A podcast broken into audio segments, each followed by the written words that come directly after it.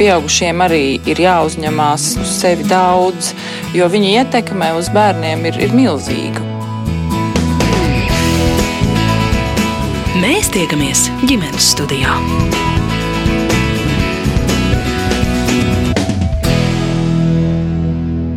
Labdien, un esiet sveicināti ģimenes studijā. Šodien es Agnese Linka aicinu kopīgi doties ciemos pie Tolpežņikovu ģimenes, kas mīt Līvu ciemā cēsu pusē. Jānis un Esmeralda audzina septiņus bērnus. Viņš strādā apvienodams ārsta un evaņģēlistieba sludinātāja pienākumus. Viņa rūpējas par kuplo atvašu pulciņu, no kura jaunākajai vēl tikai gadiņš. Mēs esam nenormāla ģimene. Vairāk kārt joko tētis un uzsver, ka daudz kas viņu dzīvē norisinās neparasti. Tolbežņikovu ģimenē valda savi noteikumi un audzināšanas pieejas, nekādas demokrātijas, atzīst paši vecāki, taču visiem kopā viņiem izdodas pat regulāri paceļot. Sāksim ar iepazīšanos. Es esmu ģimenes galva Jānis, tētis, un man ir septiņi bērni un viena sieva. Tāda ģimene, jā, ļoti neparasts modelis mūsdienām, visādā ziņā. Gan sieva, gan bērnu skaita ziņā. Un uh, esmu pēc profesijas gan uh, ārsts, radiologs, gan arī evaņģēlists, Cēsīs Jāņa draudzē. Un es esmu tā vienīgā sieva, Esmeralda. Un es esmu mamma septiņiem brīnišķīgiem bērniem. Jā, varbūt tāda jaunākā lieta, ko es daru, ir, es esmu arī svētdienas skolas skolotāja, Cēzu Jāņa draudzē. Jā, man ir daudz un dažādi arī hobiji. Man patīk šūt, man patīk adīt, man patīk lasīt. Bet, nu, rūpēšanās par bērniem un viņu ikdienā aizņem daudz laika. Tas hobijs tiek tik, cik paliek laika. Divi lielākie bērni, māsa un brālis, rāda viens uz otru. Tas, laikam, ir mēģinājums saprast, kurš runās nākamais. Kā sauc tevi? Mani sauc Mārcis. Ko tu dari dzīvē? Es Un ikdienā. eju uz skolu un uz pulciņiem. Mhm. Ne, man visas dienas ir pilnas ar pulciņiem. Pirmdienās un trešdienās man ir orķestris. Otradienās eh, man ir mūzikas skolā dažādas aktivitātes. Piektdienās tad es eh, programmēju un trešdienās es eju uz Jaunzardzi. Mm, Arī. Baigi blīvs grafiks. Pagājušajā gadā bija pilnāks. Visu var paspēt. Jā, Kas tev patīk no visa vislabāk? viss patīk. Un kurā klasē tu mācījies? Sestajā klasē. Kā sauc tevi? Mani sauc Rēzija, un man ir 11 gadi. Kā tu pavadi laiku? Es mācos muzikas skolā, es dziedu popgrupā, es dejoju, es eju uz skolu. Skola cēsīs? Jā, Kā sauc tevi? Mani sauc Rūbens, un man ir 9 gadi. Es eju uz skolu, un es eju 3. B klasē. Un, e, man ļoti patīk sports, un es eju arī keramikā. Tev foršs džempers. Kur tu tā dabūji? Māma uzsuva. Mamma pati uzšuva. Es pareizi saprotu, ka tur ir Harry Potter motīvi virsū. Jā? Tev patīk lasīt? Jā, Potters arī patīk. jā, Es pats kādu biezo Pottera grāmatu izlasīju. jau. jā. Un Pirmās četras daļas. Ceturtā ir šī tik bieza. Es zinu, jo es lasu priekšā šobrīd, un mēs esam tikai vidū. Forši. Pastāstiet, ko tu tagad lasi. Es lasu cilvēka bērnu. Tā arī tāda nopietna grāmata vispār. Jā. Ieteicis kāds? Nē, mēs klasē izlasījām fragment, un es pajautāju, vai mums mājās ir tā grāmata, un mēs nevarējām atrast, tāpēc e, paņēma no bibliotēkas, un es viņu tagad lasu. Man patīk. Jā, Kā sauc tevi? Inna. Un man patīk iet uz skolu. Kurā klasē tu esi? Pirmajā laimīgie pirmklasnieki, kuriem ļoti patīk skolā. Kuri priekšmeti tev ir skolā mīļākie? uh, latviešu valoda. Un ko tu dari pēc skolas vai ārpus skolas? Mm, Man dažreiz ir pulciņi, un otrdienās un piekdienās man nav pulciņu. Un kādi tev ir tie pulciņi? Es eju tautiskajās dejās, man zaļajā ceturtdienā bija koncerts, un es dejoju, un es arī dziedu pauggrupā, un es spēlēju flautu muzikas skolā. Daudz ko darīt. Var visu paspēt. Jā, varu. Nu, labi. Tu esi nākamais. Jā? Kas sauc tevi? Jūras. Juri, cik tev gada? Pieci. Ko tu dari dzīvē un ikdienā? Es eju dārziņā, man ir daudz pulciņu. Arī pulciņi, jā? Tāpat kā tiem skolniekiem. Ar ko tu nodarbojies? Ar dejošanu un dziedāšanu. Tas ir bērnu dārzā vai jādodas kaut kur ārpus dārziņa? Ārpus dārziņa. Dziedi un dejo. Kas patīk labāk? Mm, dejošana. Tad tu esi tāds aktīvs, kustīgs čalis. Ja? Kādas idejas, ko māsa gribēja pateikt? Tautiskās, tāpat kā tu. Ja? Jā, arī viņš ir tāds, ka jā. Viņš nomainīja breika dēļas uz uh, tautiskajām dēļām. Nenomainīja paralēli. Nu, tā sanāca, jā, un, un Rūbens viņš dejo breiku. Viņš mēģināja tautas dēļas, un tur vēl tā nezina, kā tas attīstīsies. Kas tad mums ir klātnēsošais? E, Mums ir viens bērns, tagad apslimis, stāv augstāk. Tabita. Tabita ir trīs gadi. Un uh, viņa jā, jāmaksā skoliņā, iet muzicēt. Nu, un par jaunāko ģimenes locekli klātesošo, vai jūs izstāstīsiet? Tā ir Heidija. Heidija ir viens gadiņš. Un Heidija vēl tā par sevi nepastāsta. Viņa vairāk eh, lieto vārdu puķis. Puķis viņai patīk. Pārējais mums ir jāsaprot. Un Heidija dzīvo mājās ar mammu.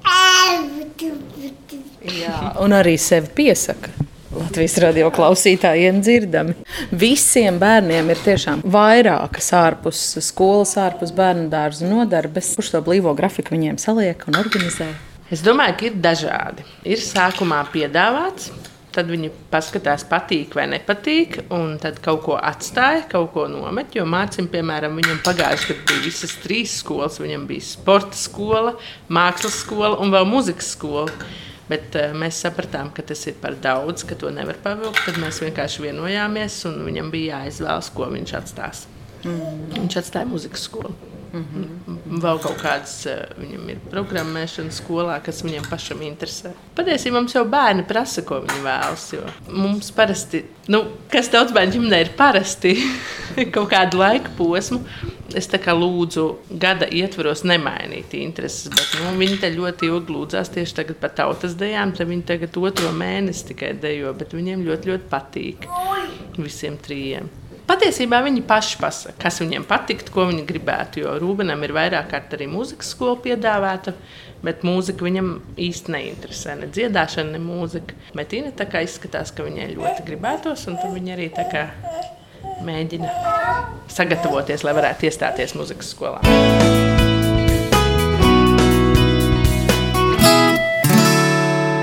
Ja es lūgtu jūs raksturot jūs kā ģimeni, kas būtu tas, ko jūs stāstītu? Ka mēs neesam normāli ģimene, mēs esam e, īsta ģimene. Mums nav tikai smaidīgās bildes, mums ir asaras no rītiem, kad bērniem te negribas ne ēst, negribas iet uz skolu. Viņiem negribas uzvesties normāli. Un tā kā mēs izējām kaut kādā sabiedrībā, tad mēs īpaši viņiem palūdzam uzvesties labi. Lai sabiedrība viņus var uztvert tā, to labo pusi vairāk. Bet eh, kopumā jau samērā draudzīgi mums ir izņemot kaut kādas varbūt tās tādas saķeršanās starp bērniem. Eh, Mēdz būt paskaļi, jo vairāk cilvēku, vairāk tas troksnis, viņš summējas. Nu, kopumā mums ir kaut kādi pieturas punkti, kas mūs vieno kā ģimeni. Mēs cenšamies, ka mums ir kopīgas ēdienreizes, izņemot pusdienas, kad bērni met skolā. Tad mums arī kopīgas vakar lūkšanas. Tad mēs visi sanākam kopā, visi kaut kā izelpo to dienas stresu. Tad mēs lasām kādu grāmatu kopā. Tagad mēs lasām bērnu bībeli vienu. Un tad viņi paši arī lūdzās, un arī mēs noslēdzam, kā vecāki to lūgšanu. Tad kaut kā tas vakars nopaļojas, un lielākie bērni neiet tik agri gulēt. Astoņos parasti mums tā vakar lūgšana. Tad lielākie vēl sēž, lasa grāmatas vai pabeidz mājas darbus. Nu, kopumā tāds ir tas nogrieznis. Un, un man darbs ir divās valstīs. Es vēl Zviedrijā strādāju, tad man ir tāda pārtraukuma, kad es neesmu mājās. Parasti divas nedēļas. Nu, tad eh, viss pārliekas uz sievietes pleciem, gan bērni, gan pulciņi, gan vadīšana. Tad tur tas grafiks viņai ir dubultā. Un tad, kad es esmu uz vietas, tad man tā slodze ir mazāka, un tad es vairāk pieslēdzos. Tad es esmu šefpavārs un, un, un korģēju iepirkšanu, un visu labošanu, apkursu katlus, mašīnas remontēju. Ne jau pats visu to daru, bet kā organizēju to saimniecisko pusi. Ko māma vēl papildinās pie šī ģimenes raksturojuma? Nu, es laikam varētu raksturot tādā vienā vārdā, kā krāsaini. Mēs kā esam daudz kopā, bet uh, katrs pilnīgi ar kaut kādu savu nokrāsu, ar savu to unikalitāti. Jūs ar māsu abi divi rīktīgi sasmaidījāties, tad, kad teica, teica, mēs neesam normāli, bet mēs esam īsta ģimene. Izstāsta, ka kaut ko traka. es tieši gribēju teikt, iz, izskatās, ka jūs kaut ko slēpjat. Visi ķiķina un neko nesaka. Traka, kāpēc traka? Nezinu. Ka, kas ir tie trakumi? Trēdija. Ina. Tāds eh, smieklīgs atgadījums, tas, kas varbūt ģimenēs, kur ir viens bērns, viņiem reti tas notiek. Mums ir tā kā viens pats mājās, tajā filmā. Es vienreiz Rūbenu aizmirsu bērnu dārzā. Un es, un, un es to atcerējos, jo bija laiks beidzies, bet man pat nezvanīja no bērnu dārza audzinātāja. Es atcerējos, un tad es ātri, ātri braucu uz to bērnu dārzu viņiem pakaļ. Baidījās traucēt, laikam. Jā, viņi arī domā, ka tas nu, priekš mums ir normāli. Bet tā ir bijis tikai vienu reizi. Jā, bet tāda gadījuma vai līdzīga ir, ir šad un tad.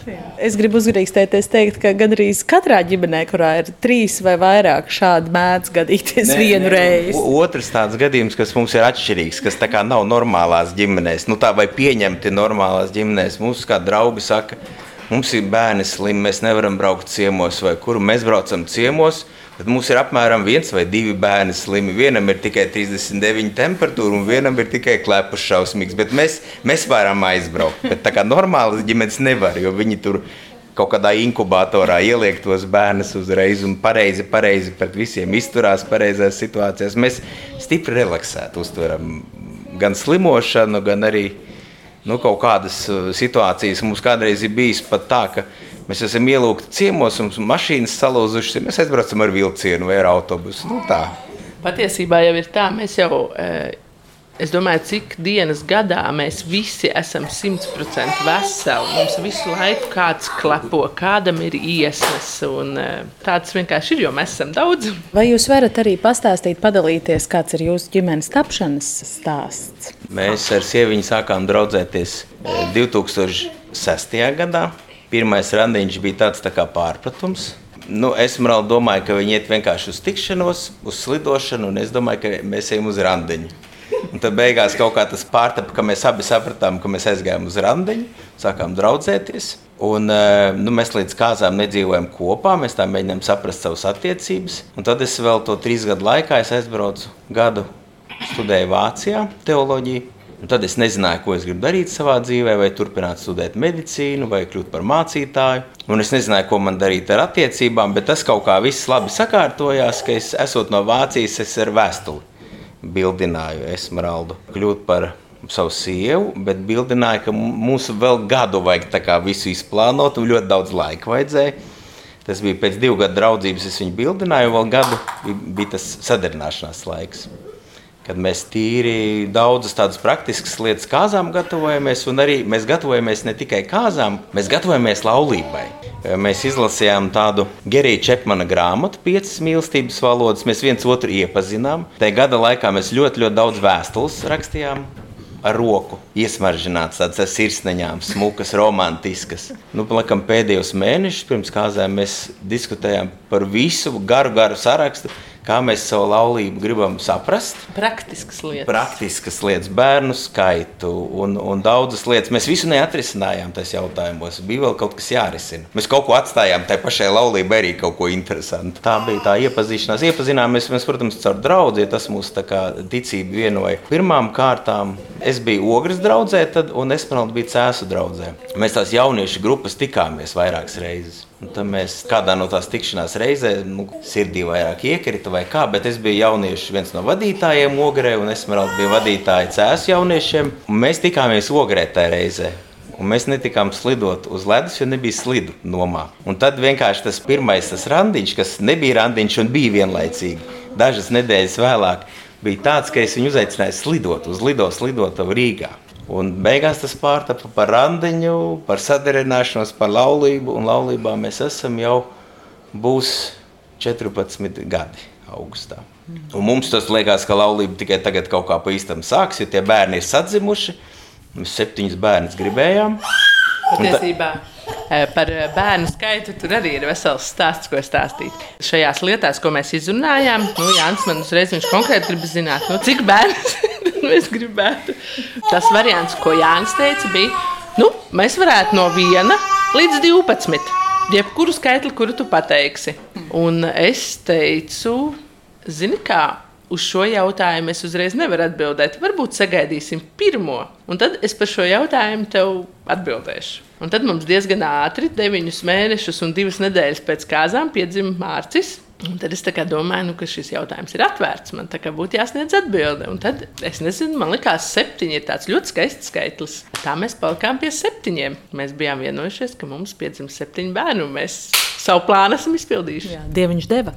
Jā, Dievs dod svētī. Jā. Kas vēl bija tajā sarakstā? Man tagad ziņkāro. Nu, tur bija ļoti daudz praktiskas lietas. Piemēram, arī nu, tad, kad piedzimst bērns, aktuāls ir jautājums, kurš strādās, kurš pelna naudu, kurš maksā rēķinus. Attiecīgi mēs vienojāmies, ka es rūpējos par mājas soli, par bērniem.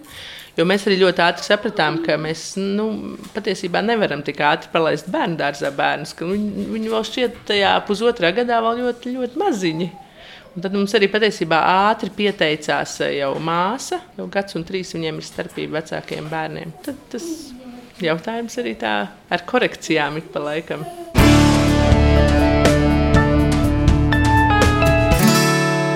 Jānis teica, ka viņš mēdz būt arī prom vairākas nedēļas. Daļa viņa darba laika norit eh, Zviedrijā. Kā jūs tad tiekat galā? Patiesībā mobilizējās visi, gan es, gan arī bērni. Tad Mārcis saprot, un reizī, ka viņi ir kā vecākie, viņi ļoti daudz arī palīdz. Viņi paši savācās, palīdz arī mazākiem, ja ko vajag. Tas ir plānošanas jautājums. Jo es arī lietas, ka plānoju kaut kādiem bērniem pulciņus, ka lieku. Es savu grafiku veidoju tā, lai es varētu viena ar to tikt galā. Jo, ja es nevaru viena izvadīt kaut kur vai aizvest kaut ko nodrošināt, tad tas man neder. Tas pamata plāns ir organizēts uz to, ka es varu to vienu izdarīt. Protams, eh, mēdz mainīties pulciņu laiki, ir kādreiz koncerti un ir kaut kādas lietas, kas pārklājās. Tad, uh, Es mēģinu sarunāt ar lieliem bērniem, kad viņi vai nu paskatās eh, mazākos bērnus, vai kādu kaut kur aizved. Nu, cēsīs viss ir ļoti kompakti, tuvu, tas ir ļoti ērti. Bērni aug. Un mēs esam diezgan lielu daļu arī patiesībā bez auklītes iztikuši. Ir arī bijušas jums auklītes. Ir bijušas. Sākumā ļoti daudz pieslēdzās eh, mana mamma, kad viņa bija dzīva. Mums pēc tam ir bijusi no draudzes, no Svedenskas skolotāja mums arī bija auklē. Bet nu, mums jau bērni aug, un tad tā vajadzība arī mazinās. Jā, priecīgi pievienoties atkal. Jā, jā kā tas tā ir sanācis, ka jums ir divas tādas ļoti nopietnas profesijas un nodarbošanās dzīvē savienot? Izdodas. Man paveicās, ka es mācījos labā skolā, Rīgas valsts pirmajā gimnājā, un ka man bija pilnīgi skaidrs mērķis, ka man kaut kur jāliek lietā matemātika. Ir. Man bija tāda ļoti stingra, var teikt, kaut kādā mērā, varbūt eh, šāda netaktiska savos izteicienos, ekonomikas skolotāja, biznesa pamatskolotāja. Un viņi man tur visādos vārdos nosauca, un tad es sapratu, ka tie nav labi cilvēki, ekonomisti. Un es negāju studēt ekonomiku tikai skolotājas dēļ. Tā kā tie sliktie skolotāji kādreiz ir ļoti labi. 11. klases beigās sapratu, ka es ekonomiku nestudēšu, kaut kas cits jāskatās. Un tad nu, es domāju, kas man varētu interesēt, un medicīnā ir arī radi. Tad es sapratu, ka medicīna man varētu interesēt. Es gāju kursos, lai iestātos Rīgas Stradiņu universitātē. Man vectēvs bija ārsts arī Vilens Tolpežņikovs. Un tad, protams, citi cilvēki domāja, ka man vajadzētu citas izvēles. Suntažu mācītājs tajā laikā, kas iesvētīja vairākus bērnus, kristīs mūsu laulājs. Modrs Ivāns, viņš teica, tev ir jābūt mācītājam. Nu, es pilnīgi tajā brīdī nejūtos. Tas bija 2000. gads. Nu, tas man bija pilnīgi skaidrs, tas nav man un tas nav aktuāli. Bet medicīnu tad es sāku studēt, un mums Lutāņu baznīcā tā iespēja bija, ka var studēt arī vakaros. Un es strādāju Svētdienas skolā, darbojos ar jauniešiem, draudzē. Tad es domāju, nu, kaut kā nedaudz padziļināt teoloģiju man interesētu, un, un tad bija kristīgā pedagoģija, ko varēja studēt. Tas bija 2004. gads, un tas bija sestdienās. Es domāju, to es varu apvienot, jo studijas jau kļuva vieglākas beigās medicīnā.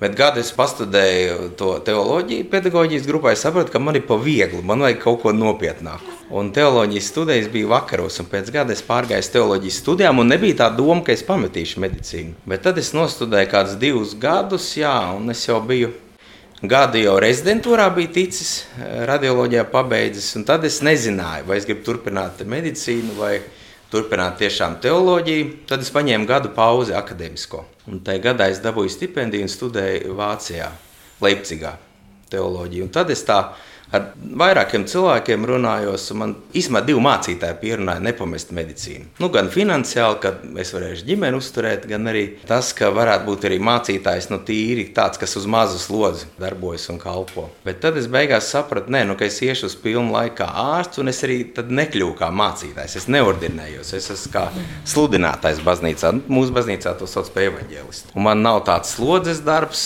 Uh, ka man ir jābūt obligāti katru svētdienu. Tā, nu, ja ir kāds dežūrs vai kaut kādas citas lietas, to es varu apvienot. Bet man ir bijuši tādi posmi, un to es, to es atceros. Tas 2011. gadā man bija, ka es tiešām abas lietas darīju ļoti daudz. Un vienkārši es izdegu. Un organisms pasaka, ka nevar bez brīvdienām strādāt un, un, un naktas paralēli dežūrēt. Un tad, 11. gadā, es laikam kādos trīs vai četros darbos uzrakstīju atlūgumus Tad es domāju, kā es citādāk varētu organizēt savus darbus, un tāpēc es sāku braukt uz Zviedriju.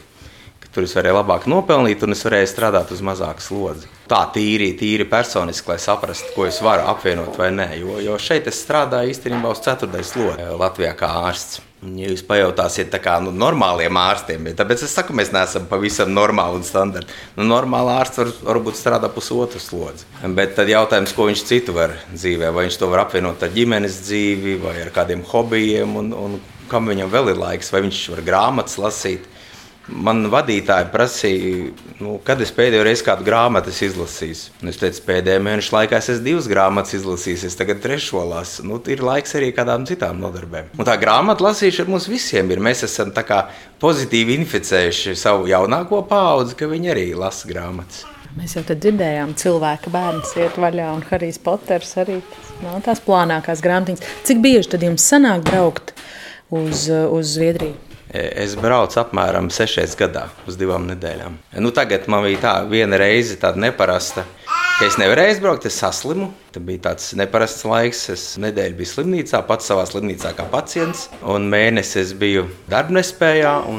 Gan draudzēs, gan slimnīcā visi grib, lai tu strādā daudz vairāk, jo, jo visur trūkst darbinieku, visur ir tas kronisks jau tāds deficīts. Bet es tā mēģinu, es mācos, Alēž pateikt, nē, nevienmēr izdodas tik, cik es varu vai, vai nē. Kā jūs jūtaties, tad, kad jūs braucat prom un Esmeralda paliek viena ar veseliem septiņiem? Ar kādu sajūtu vai, vai kādām domām jūs viņus atstājat? Nu, es īstenībā atstāju ar tādām labām domām, jo nu, mums ir tas, ka mēs nevis paši tiekam ar visu galā, bet mēs uzticamies, ka Dievs mums palīdz arī tad, kad mēs nevaram neko vairs. Nespēku brīžos, kad tas spēks parādās tāds, kas nav izskaidrojams ar prātu vai racionāli saprotams vai pat nopērkams ar naudu. Nu, tas spēks ir tik, cik viņu vajag, to var celt un var nest. Un otrs, kāpēc es jūtos labi, tāpēc, ka es esmu ārkārtīgi iemīlējis arī Zviedriju, un, un man tur daudz draugu ir. Un tas, kas ir neparasti, tagad, kad es saslimu, man ārkārtīgi daudz tie zviedru kolēģi, kolēģi un draugi arī pārdzīvoja un rakstīja ziņas un apjautājās, kā man klājas. Un tādā ziņā Tad es vienmēr zinu, ka pēc tam divām nedēļām nāk tas laiks, kad man ir atkal nu, tāda nedaudz atslodze. Jo tās divas nedēļas es ļoti intensīvi strādāju. Es pats atbraucu īstenībā diezgan piekusis no Zviedrijas. Kad nav tā, ka braucat atpūsties. Nē, tas, ka nav bērni, cilvēki domā, nu, ka tas ir vienīgais, kas var nogurdināt, tad ir arī citas lietas, kas var nogurdināt. Kā piemēram, ja dežūras ir nedēļā kāds trīs, tas arī diezgan daudz ir. Bet es bērniem pašiem gribu arī e, pajautāt. E, Māma teica, tad, kad tēvs ir prom, tad jums ir vairāk jāpieslēdzās arī kaut kādiem mājas pienākumiem. Kas vispār ir tās lietas, kas jums mājās ir e, jāpalīdz? Kas ir jūsu pienākumi? Jāpalīdz mammai. Nu, piemēram. Jāpieskata mazie bērni, jātīra māja. Jānes granulas, jāpļauj mauriņš. Tie ir ziemas darbi un vasaras darbi. Vasarā nav jānes granulas un ziemā nav jāpļauj mauriņš. Uh, vasarā arī ir Jānis Granuls. Ja saule nespīd. Jā, ja saule nespīd. Un tev arī ir kāda darbiņa mājās? Jā, mums ir jāpieskata mazie un uh, Bet vienmēr, kad aizbrauc, viņš pasaka, lai mēs neārdamies un nebļaujam. Un jūs klausat? Uh, nē. Jau patiesībā nu, viņi jau nejūt to. Mums ir ikdienas darba, galda novākšana, trauku mašīnas izvākšana, savu istabu piekārtošana. Viņi jau nejūt to, kā nu, tas tāds uzlikts pienākums, ko mēs visi darām, ne jau tikai bērni. Viņi arī to regulāri palīdz. Viņi var arī pusdienas sataisīt lielie bērni, jau, ja vajag, vai brokastis, vai vakariņas. Viņiem arī patīk to darīt. Bet tā kā vecākiem ir diezgan daudz pēc tam jāpieslēdzas pie vākšanas, tad mēs tā nevienmēr ar ļoti lielu entuziasmu to atļaujam. Par šo vēl ko teicis bildīs? Nu, pienākumi ir tādi, ka vecākais dēls vairāk vai mazāk par atkritumu izvākšanu ir atbildīgs. Reizi nedēļā jau mums ir vairāk konteineru, mēs šķirojam atkritumus. Tad ir to šķirošana, ka bija mazāki bērni, bija grūtāk, jo, jo tie sašķirojās varbūt nevienmēr viss precīzi, bet tie sadzīves atkritumi arī jāiznes. Un, tos jau te piebrauc mums eh, atkritumu apsaimniekotāji un izved. Bet tie šķirotie tie pašiem jāved. Un tad tos parasti es, kad atbraucu mājās, tad es redzu, ir pilns un tad es vedu. Nekādas šausmas jau nav notikušas, māja te nav aizdegusies, it kā nekas tāds. Bet diezgan bieži bijis, ka, ka notiek tādi mazi incidenti, ka signalizācija ieslēdzās, kur nevar atslēgt vai kas apklīst apkuras katls, kad es neesmu prom, vai mašīna salūst. It kā mazāki incidenti, bet kas jārisina attālināti. Tad man jāpiesaka kaut kāda meistara, un to nevar vienmēr atrisināt dienas laikā. Nu, laukos ir tā, ka tas var prasīt arī divas vai trīs dienas, nu, tad ir teiksim, jābūt radošiem. Bet eh, sievas tēvs viņš parasti ļoti, ļoti atsaucīgs. Ja mums mašīnas aplīsus, tad viņš palīdz bērnus aizvest uz skolu un atvest. Ja tās ir pāris dienas, tad viņš ar to tiek galā. Nu, viņš strādā tepat sēsīs, bet nu, no darba tomēr skriet vairākas reizes dienā. Tad cilvēki jūt, kā mums tas īstenībā cik daudz prasa. Ikdienā tāda, tāda iesaistīšanās. Tāds ir kā mazas lietas, bet jābūt tādā gatavībā. Mēs tiekamies ģimenes studijā. Šodien ģimenes studija viesojas pie Tolpežņikovu ģimenes cēsu pusē Līvu ciemā. Jānis un Esmeralda audzina septiņus bērnus, māma ir pastāvīgi klātesoša mājās, tētis kā ārsts strādā daļu laika Latvijā, bet daļu Zviedrijā. Papildus tam kalpo arī kā evaņģēlists cēsu Jāņa draudzē. Izskano ģimenes izvēlētai mūzikai, dziesmu starp citu izpildīja bērnu popgrupa Hei, kurā dzied vecākā meita Rēzija. Mēs atsākam sarunu par to, kādi viņi ir kā vecāki, kādi viņu audzināšanas ieskati. Kāda ir tie jūsu mājas, ģimenes, es nezinu, noteikumi, dzīves kārtība vispār? Es uh, skatījos, gatavojoties šai sarunai, vienu televīzijas interviju ar Jānu, un Jānis teica, jā, ka jūs esat diezgan tādi stingri vecāki. Nu, es, es varu pastāstīt, kā es to redzu. Kad bērni bija mazi, mēs likvidējām tādu domu kā demokrātija, ka bērni un vecāki ir pilnīgi līdzvērtīgas balsis. Mēs esam kaut kas līdzīgs pilnīgi tādam nedemokrātiskam veidojumam, kā ANO drošības padomu, ka mums diviem vecākiem ir veto tiesības, un pat tad, ja mums nav taisnība, un bērniem nav veto tiesība, pat tad, ja viņiem ir taisnība. Un eh, tādā ziņā mēs varētu pilnīgi noteikti būt kā stingri. Bet mums ir vēl tāda lieta, ko es nezinu, vai citās ģimenēs praktizēs. Nē, es vienmēr prasīju, mums ir tabū kaut kādas lietas, ko mēs absolūti neakceptējam. Un mēs neakceptējam līdz pat kaut kādām kādreiz sankcijām, ka viņiem tas ir jāsaprot, ka mēs esam ļoti, ļoti pret to.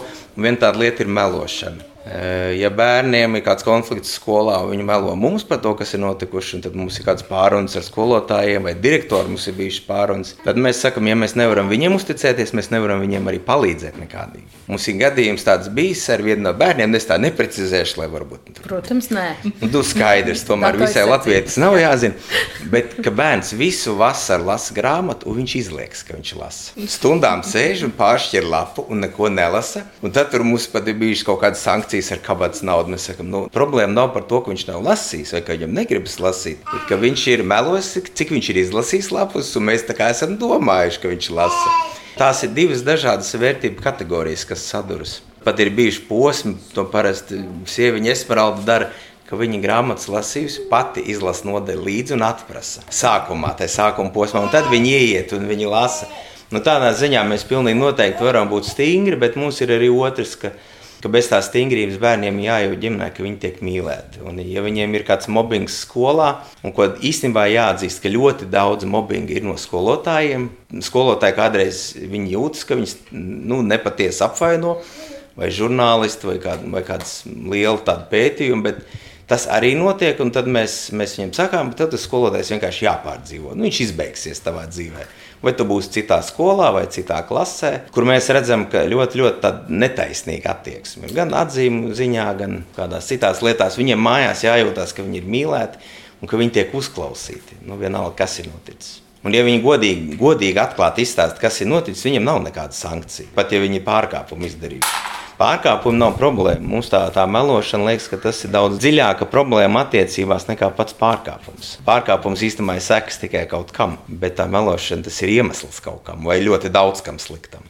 Mums jau te ir patiesībā arī jociņi par to, ka mamma redz cauri un mamma ir trešā acis. Jo mamām jau ir tas, ka viņi paskatās uz bērnu, viņi jau var pateikt, vai tu saki patiesību, vai kaut kas tiek noslēpts. Tā šīs lietas mēs atklājam, mēs runājam daudz. Jā, tā stingrība, tā ir, es domāju, tāda vajadzīga lieta, jo es domāju, ja bērnībā tās robežas nav novilktas, tad, kad tu izaudz pieaudzis cilvēks, tev ir pašam sevi daudz grūtāk eh, motivēt uz kaut ko vai novilkt sev robežas, ja tu neesi iemācīts to darīt. Jo nav jau tā, ka tu vari izvēlēties, es no rīta neiešu uz darbu, es gulēšu. Ir, visu laiku ir kaut kur kaut kāda kārtība, noteikumi.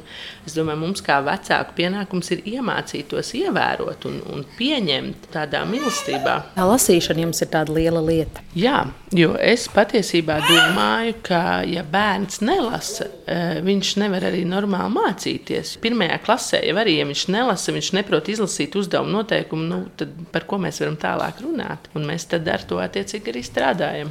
Tas nav viegli. Katram bērnam ir citādāks ceļš, katram ir dažādas intereses, bet es eh, ļoti, ļoti cenšos atrast eh, katram no bērniem, uztvert to, kas ir tas, eh, kas viņam patīk. Un tad es mēģinu piemeklēt, un tad es visu laiku taustos, kas viņam patīk, un tad es tā kā piedāvāju. Jo ļoti atšķirīgas gaumas un uztvers ir. Mums ir septiņi pilnīgi atšķirīgi cilvēki. Kādos avotos vai kur balstās tā jūsu audzināšanas pieeja, vai tā jūsu sistēma, vai tās vērtības, vai tie uzskati? Kā jūs paši esat audzināti, cik daudz jūs esat pārņēmuši no savām ģimenēm, no saviem vecākiem to pārliecību, es darīšu tā? Es jau domāju, ka ik viens cilvēks, kurš no bērna izaug par pieaugušo, viņš ir ar savu pieredzes bagāžu. Un arī mēs tādi esam. Mums arī viņi ir dažādi. Bet mums, kā ģimenei, kā vecākiem, par kaut ko ir jāvienojas un jābūt viensprāts. Parasti jau kopā sanāk divi dažādi cilvēki ar dažādām pieredzes bagāžām. Bet uh, mums, eh, es domāju, tā vērtību sistēma. Viņa jau nav nekas jauns. Viņa ir Bībelē ierakstīta pašā sākumā, kas ir desmit baušļos.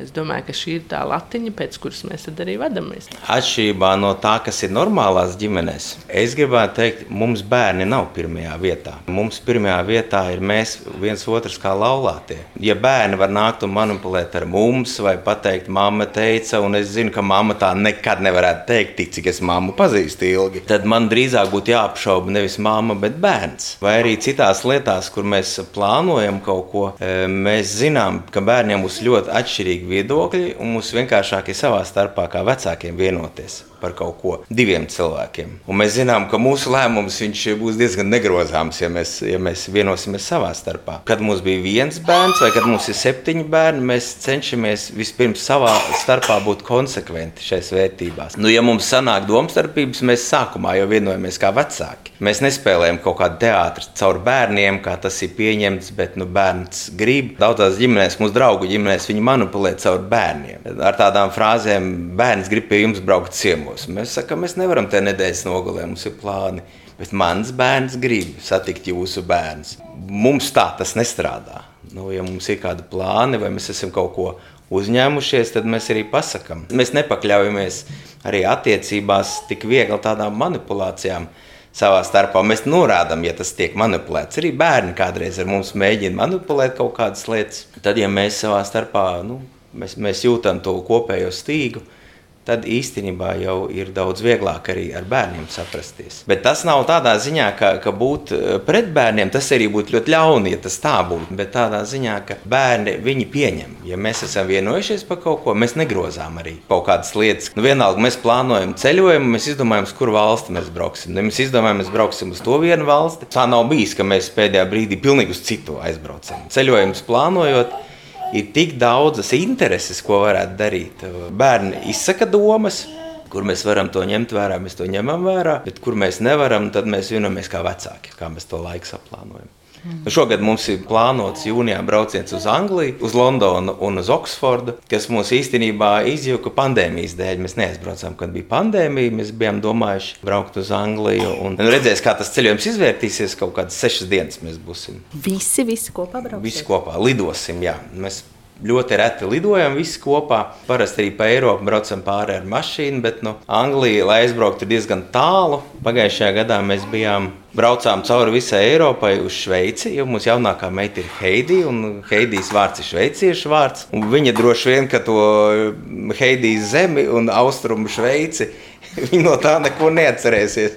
Tas būs fotografijas, bet tas bija viņai par godu brauciens. Tad viņa bija maza. Mēs pat varam aizbraukt ar ļoti maziem bērniem. Viņi ir iemācījušies, ka viņiem jāiztur gari pārbraucieni vai pārlidojumi. Viņi par to tiek informēti un parasti viņi ņem to vērā. Tiešām prieks dzirdēt, ka jums izdodas arī paceļot visiem kopā. Jo kāds, kuram ir pirmais mazulīts vai divi, varbūt salīdzinoši mazi bērni, viņš saka, nē, es nekur nebraucu. Tas ir ļoti grūti ar maziem bērniem. Tas jautājums mūsu pirmais ceļojums bija, ka Mārcis bija mēnesis. Mēs braucām ar mašīnu bez kondicionieru uz Parīzi. Bija ļoti karsts, 30 grādi. Nu, kā tas ir iespējams? Ir iespējams, viņš ir izaudzis, viss kārtībā. Protams, ir savi izaicinājumi, ir kaut kādas lietas, kas jāņem vērā, lai, lai eh, piepildītu šīs pamatvaidzības, kas ir eh, ēšana un regulāri tīras dupsis. Bet tas nav neiespējami. Un ar mazu bērnu patiesībā ir vieglāk ceļot nekā ar lielāku, jo viņam jau pietiek ar to, ka vecāki ir blakus. Kurš eh, tev no ģimenes ceļojumiem vislabāk ir palicis atmiņā? Kad mēs braucām uz Zviedriju. Kaut kas foršs tur bija, ko apskatīt vai sadarīt? Mēs gājām uz bērnu laukumu. Un tev? Kāds no braucieniem uz Disneylandu droši vien. Kāds no braucieniem uz Disneylandu tas nozīmē, ka vairākas reizes tur ir būts? Laikam. Vismaz Legondē, jā. Vismaz divas reizes atceros, jā, jo Jāni māsa dzīvo Parīzē, un mums eh, katrs bērns ir aizvests uz Parīzi. Heidijai tas vēl ir priekšā, viņa bija puncīga, kad mēs pēdējo reizi bijām Parīzē, bet jā, mēs katru bērnu aizvedam. Un tad Disneyland ir bijusi vairākas reizes programmā.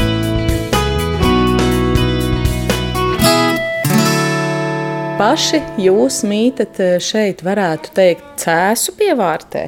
Kāpēc tieši šeit viens no jums ir cēsinieks? Ja? Es esmu dzimusi un augusi cēsīs, mani vecāki. Viņi visu, visu apzināto mūžu ir cēsīs bijuši un dzīvojuši. Un jā, tas droši vien nospēlē lielu lomu mūsu izvēlē. Lietas, ko mēs eh, ņēmām vērā, izvēloties savu dzīves vietu, māju, kur celt, eh, tā bija izglītības iespējas bērniem. Jo mums bija plānā septiņi bērni, un tas mums bija svarīgi. Kaut gan mums ļoti vilināja doma par laukiem, mēs nevēlējāmies pārcelt uz vietu, kurus vienkārši aizslēgtu skolu cietu. Šis bija tas nosacījums, izglītība. Mums bija tāda uh, neparasta kārtas dāvana. Vispār daudz kas ar mums ir noticis, ir ļoti neparasts. Uh, es kāzās dāvanā dabūju Starp daudzām, daudzām dāvanām es dabūju arī dzīvokli. Un tas bija dzīvoklis, kurā es dzīvoju. Tas bija manas mammas, mammas dzīvoklis, Albertīnas, vecmāmiņas dzīvoklis. Un, un es teicu, ja mēs dibinām jaunu ģimeni, mēs nevaram dzīvot kopā, jo mēs pirms tam dzīvojam kopā. Un, uh, viņi to ņēma vērā un pārvācās uz laukiem no Salaspils uz Suntežu pagastu un atstāja mums dzīvokli. Dzīvoklis bija samērā maziņš, 44 km2, bet ar divām istabām. Un mēs nodzīvojām tajā dzīvoklī līdz 2016. gadam, kad mums bija četri bērni. Un tad mēs jau bijām iegādājušies zemi šeit, un mēs sapratām, ka mēs gribam būvēt māju. Bet tas bija sarežģīti to darīt no attāluma, piebraukāt to gabalu un skatīties, kā notiek darbi.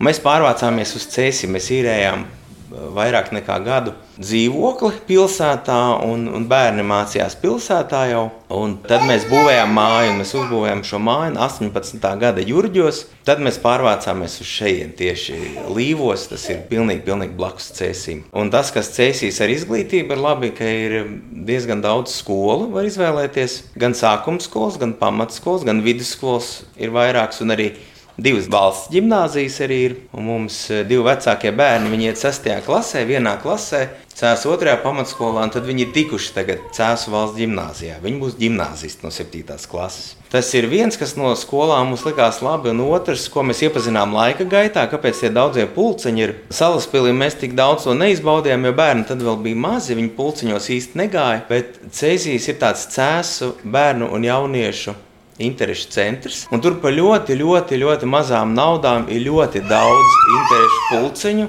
Cik mēs esam runājuši ar draugiem, ka tas ir ļoti maz vietās Latvijā, ka tas ir vienu vietu. Un tā summa, ko mēs maksājam, nu, kādreiz ir mēs maksājam vienu eiro vai divus par pulciņu, kas ir varbūt divreiz nedēļā un visu mēnesi. Ļoti, ļoti simboliskas naudas un ļoti pieejama interešu izglītība. Un tad, protams, ir, ir tāda nu, nopietna interešu izglītība, kā mūzikas vai mākslas skola vai sporta skola.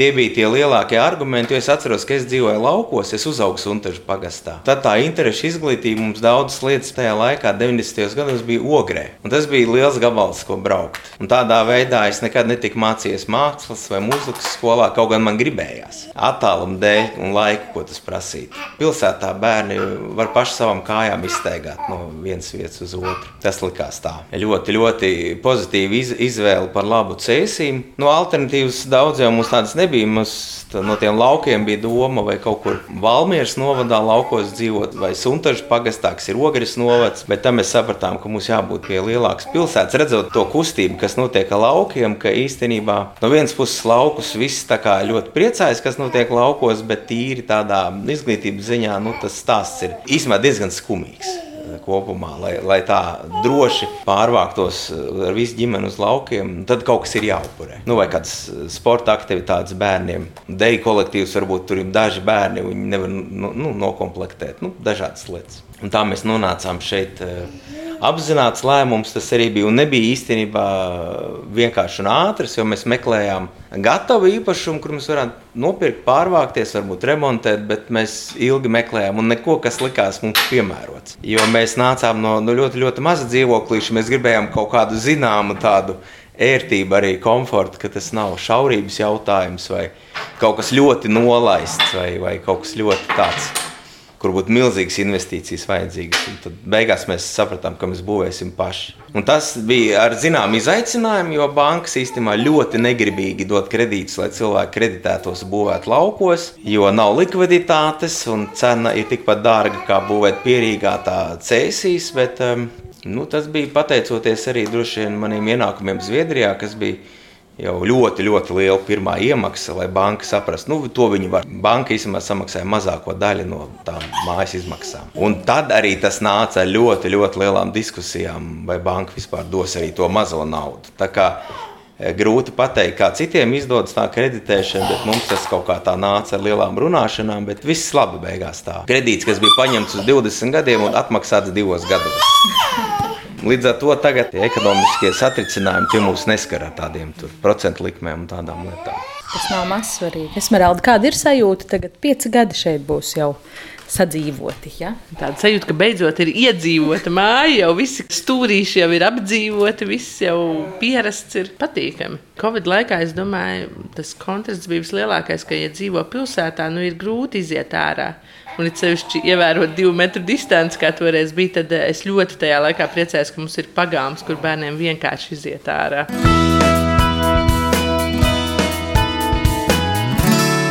Klau, tad, kad tie daudzie pulciņi, par ko mēs te runājām, un ko vecāki arī piemin kā bonus, ir beigušies, un jums ir brīvais, brīvais laiks, ko jums vislabāk patīk padarīt visiem kopā ar brāļiem, ar māsām, ar vecākiem? Ar brāļiem, māsām patīk ļoti ārdīties vai spēlēt spēles. Kas jums ir ģimenes spēļu topā? Pēdējais, ko mēs esam spēlējuši, ir tāda spēle, ko mums teica no Zviedrijas, atvedis skipbū. Mm. To var spēlēt tādā lielā vecuma amplitūdā, tur ar skaitļiem visādas darbības. Tas nav mazsvarīgi, kad vienam ir 13 un vienam ir 5. Tad ir grūti izdomāt, ko visiem kopā paspēlēt. Un kā tu atbildētu uz jautājumu, ko visforšāk ir visiem kopā kādreiz pasākt? Visiem kopā? Mm, atkarībā ar ko? Reizi parunāt ar Rūbeni izkauties. Un ar vecākiem? Teicis ļoti daudz jokojās. Kādas brīvā laika aktivitātes? Lasīt grāmatu. Trešdienas izlasīju divas grāmatas par 300 lapas pusēm katra.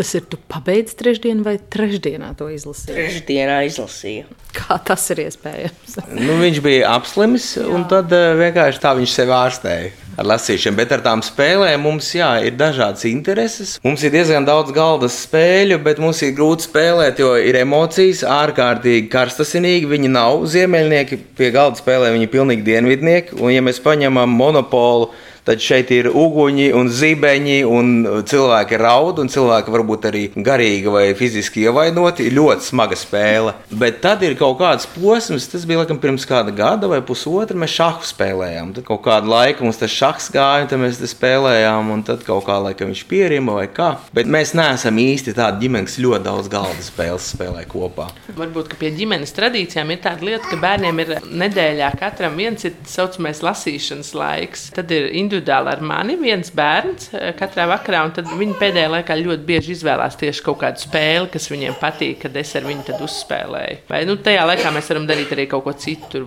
mazākiem bērniem patīk, ka viņiem tieši izlasa to, ko viņš tieši vēlās, vai lieliem bērniem patīk vienkārši parunāties, izstāstīt, kā viņiem iet, vai pajautāt kaut ko, eh, ko viņi negribētu jautāt tā, lai citi dzird. Tas ir tas tā saucamais īpašais laiks bērnam. Jā, īpašais laiks. Mums ir arī tā saucamie lielie individuālie laiki. E, tad mēs kaut kur aizbraucam, tas ir dienu vai pusotru.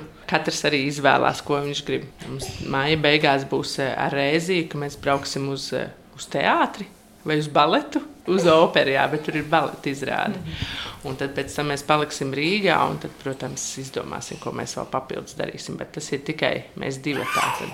Pārējos tētis pieskatīs. Pārējiem būs jātiek galā. Man ir ļoti ideāls vīrs, viņš ar visu var tikt galā.